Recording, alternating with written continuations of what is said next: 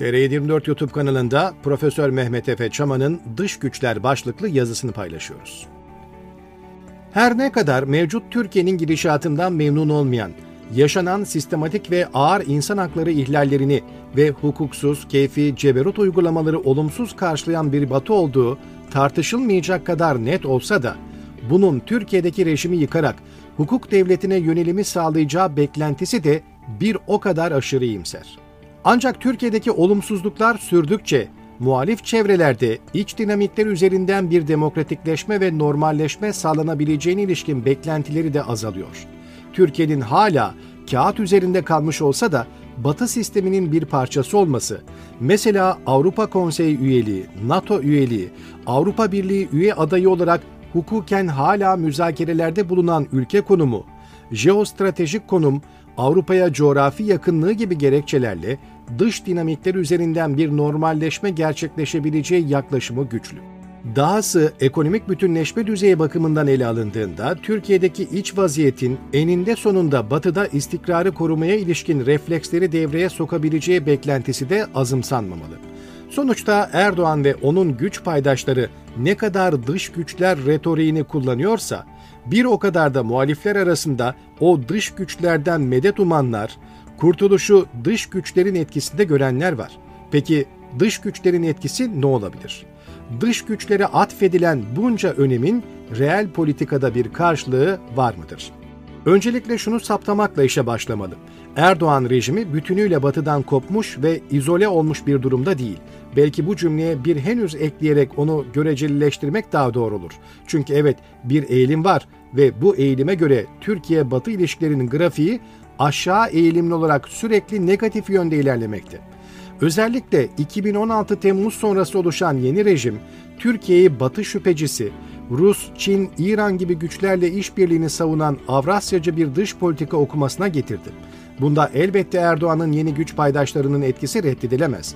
Ayrıca ideolojik zemin bakımından milli görüş gibi oldukça üçüncü dünyacı ve Arap sosyalizmine yakın fikirleri olan bir ekolden gelen AKP tabanının zorlanmadan batıcı dış politikadan vazgeçmeyi içine sindirmesi de önemli. Yani rejimin 15 Temmuz sonrası darbenin arkasında Batı, daha özelde Amerika olduğuna yönelik algı çalışması böylece sağlam temelleri oturdu. Ayrıca Kürt hareketinden CHP'ye irili ufaklı tüm sol ve solumsu hareketlerde bir anti-batı anlatısı oldukça yerleşiktir.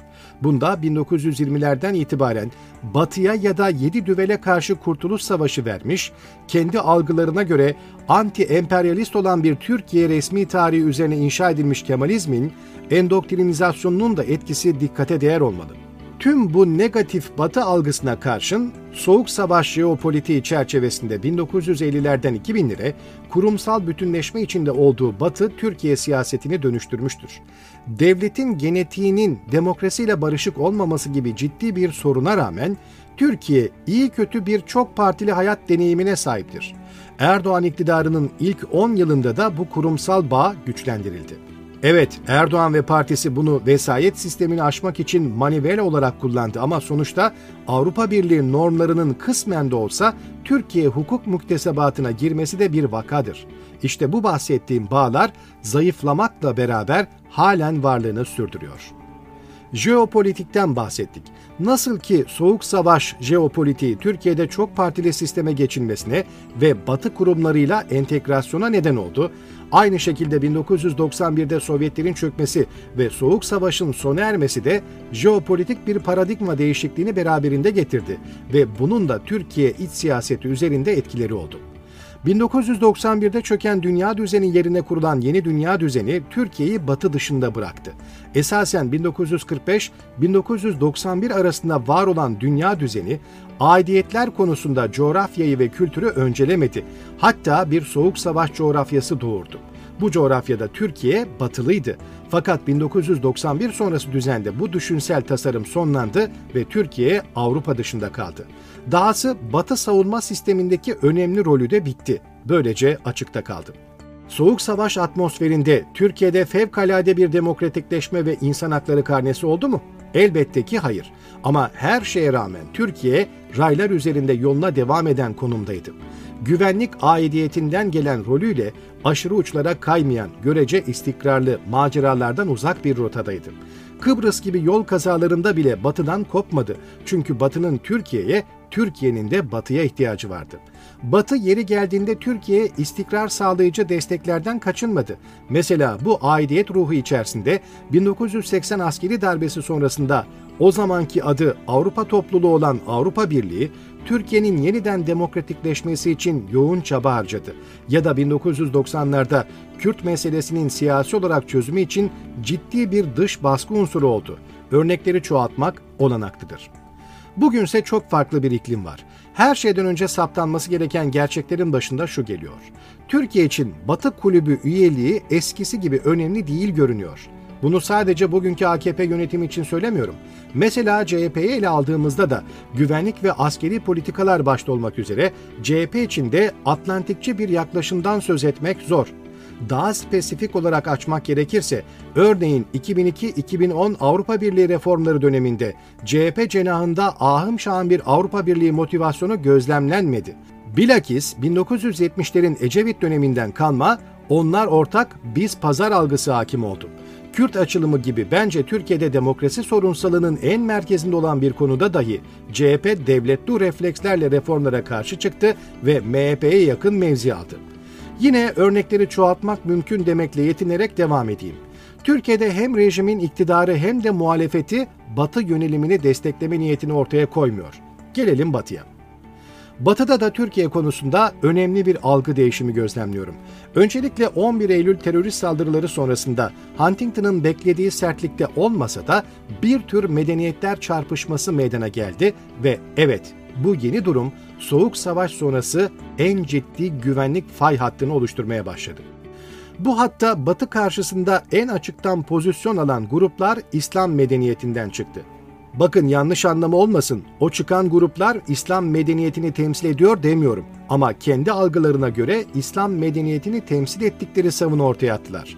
El-Kaide, IŞİD, El-Nusra, Hamas, Müslüman kardeşlerin bir bölümü ya da bu harekette bağları olan gruplar, Selefilik gibi grup ve akımlar yoğun olarak Batı karşıtlığını temel aldılar. İslam toplumları bazında da oldukça geniş kitleler bu hareketlere doğrudan destek vermeseler de meydana gelen çatışma ortamında batılı ülkeleri haksız bulan bir okumayla durum değerlendirmesi yaptılar ve pozisyon aldılar. Açıkçası Türkiye'de de bu eğilim vardı, vardır. Bu mevcut realite ekseninde Türkiye'de zaten Soğuk Savaş sonrasında uğradığı jeostratejik değer kaybına ek olarak Orta Doğulu bir aktör olarak algılanmaya başlandı. İslamcıların Türkiye yönetmesi ve giderek seküler alanları İslami referanslı retorikle değiştirmeleri sembolik düzeyde de olsa Türkiye konusundaki batı algılarını güçlendirdi. Gelelim daha somut nedenlere. Arap Baharı esnasında Türk dış politikasının açıkça sünnici, neo-Osmanlıcı bir yönelime girmesi, batılı ülkeleri, kurumları ve kamuoyunu Türkiye algıları konusunda derinden etkiledi. Evet kurumsal adiyetler bakımından her ne kadar şu ana dek bir değişme meydana gelmediyse de mesela Avrupa Birliği ve NATO çevrelerinde Ankara artık güvenilir bir müttefik olarak görülmüyor. Avrasyacı yönelimin de etkisiyle S-400'ler gibi tercihlerde de bulununca Türkiye'nin Batı kulübü dışı konumu daha da belirginleşti. Suriye'nin başarısız devlete dönüşmesiyle beraber mülteci sorunu ortaya çıkınca Ankara rejimi Batı için doğrudan tehdit olan bu yeni durumu bir tür şantaj aracı olarak kullanmaya başladı. Türkiye'deki milyonlarca Suriyeli sığınmacı Avrupa Birliği ülkelerine geçmek istemekteydi. AB içinse bu insanların Türkiye'de tutulması stratejik bir öncelikti. Böylece Avrupa Birliği ve Türkiye rejimi arasında bir reel politik temelli anlaşma yapıldı. Suriyeli sığınmacıların batıya geçmesine engel olma karşılığında Avrupa Birliği Ankara'ya para verecek, ayrıca Türkiye'deki rejimsel meselelere de fazla müdahil olmayacaktı. Erdoğan ve güç paydaşları için bu harika bir fırsattı. Amerika'ya gelince, Trump dönemi yaşanan 4 yıllık boşluk ortamında edilgen ve etkisiz bir Amerika gözlemledik. Mesela Başkan Trump'ın Suriye'den Amerika askeri varlığını çekme kararı Erdoğan yönetimine can suyu oldu. Bunun gibi tercihlerde Batılılar kesinlikle Türkiye'nin rejimsel meselelerini veya insan hakları konusunu gündeme almadılar. Neden? Çünkü Türkiye artık küme düşmüştü ve Batı Ligi'nde değil, Rusya, Çin, İran gibi ülkelerin olduğu ligde bir oyuncu olmuştu. Dış güçler vardır ama dış güçler için Türkiye artık eskisi gibi önemli bir müttefik değildir. Avrupa İnsan Hakları Mahkemesi'nin tutumundan Avrupa Birliği raporlarına, Amerika Birleşik Devletleri'nin Ankara üzerindeki etkisinden NATO'ya kadar her konuda Türkiye'nin küme düşmüş olması ve yeni jeopolitik denklemlerde çok da dikkate değer bir konumu olmaması ön plandadır. Peki bu durum değişebilir mi?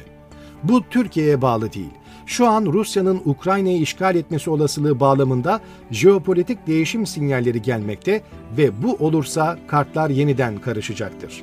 Yani Türkiye yeniden ikinci soğuk savaş denkleminin bir ögesi haline gelebilir ve bunun mutlaka Türkiye siyaseti üzerinde etkiler olur.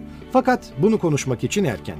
Dediğim gibi tümüyle dış faktörlerin ve oyuncuların belirleyeceği bir durumdan söz ediyoruz. Buna bel bağlamak ve hesapları ona göre yapmak fazla anlamlı değil.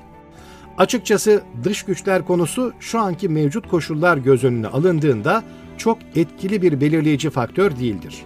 Rejime nasıl ki iç dinamikler neden olduysa, rejimin sonlanmasına da iç dinamikler neden olmak durumundadır. Kaçarı yok. Türkiye halkı demokratikleşme ve normalleşme bağlamında kendi göbeğini kendi kesmek zorunda.